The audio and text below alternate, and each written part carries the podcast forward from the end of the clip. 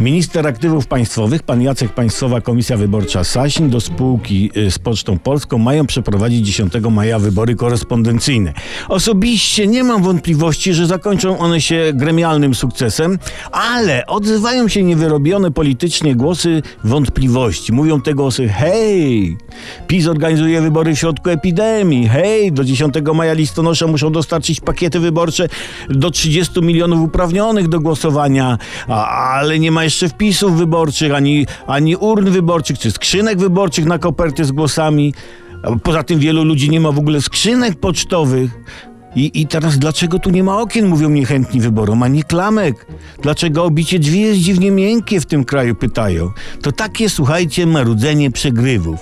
No ludzie nie mają skrzynek pocztowych. No to listonosze roznoszące pakiety będą nosić ze sobą skrzynki i zamontują tym, którzy nie mają. Przybiją gdzieś do ściany. Poczta da radę.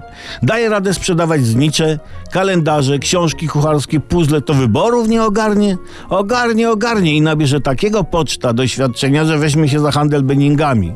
Wierzmy w pocztę i Jacka Sosina. Niektórzy zastanawiają się, czy, czy jest technologia, żeby głosować w domu.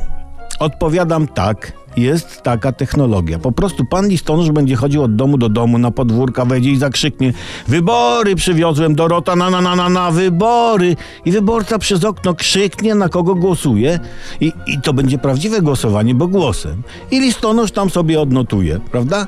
Generalnie, słuchajcie, zrobimy takie wybory, jakich nie przeżył nikt.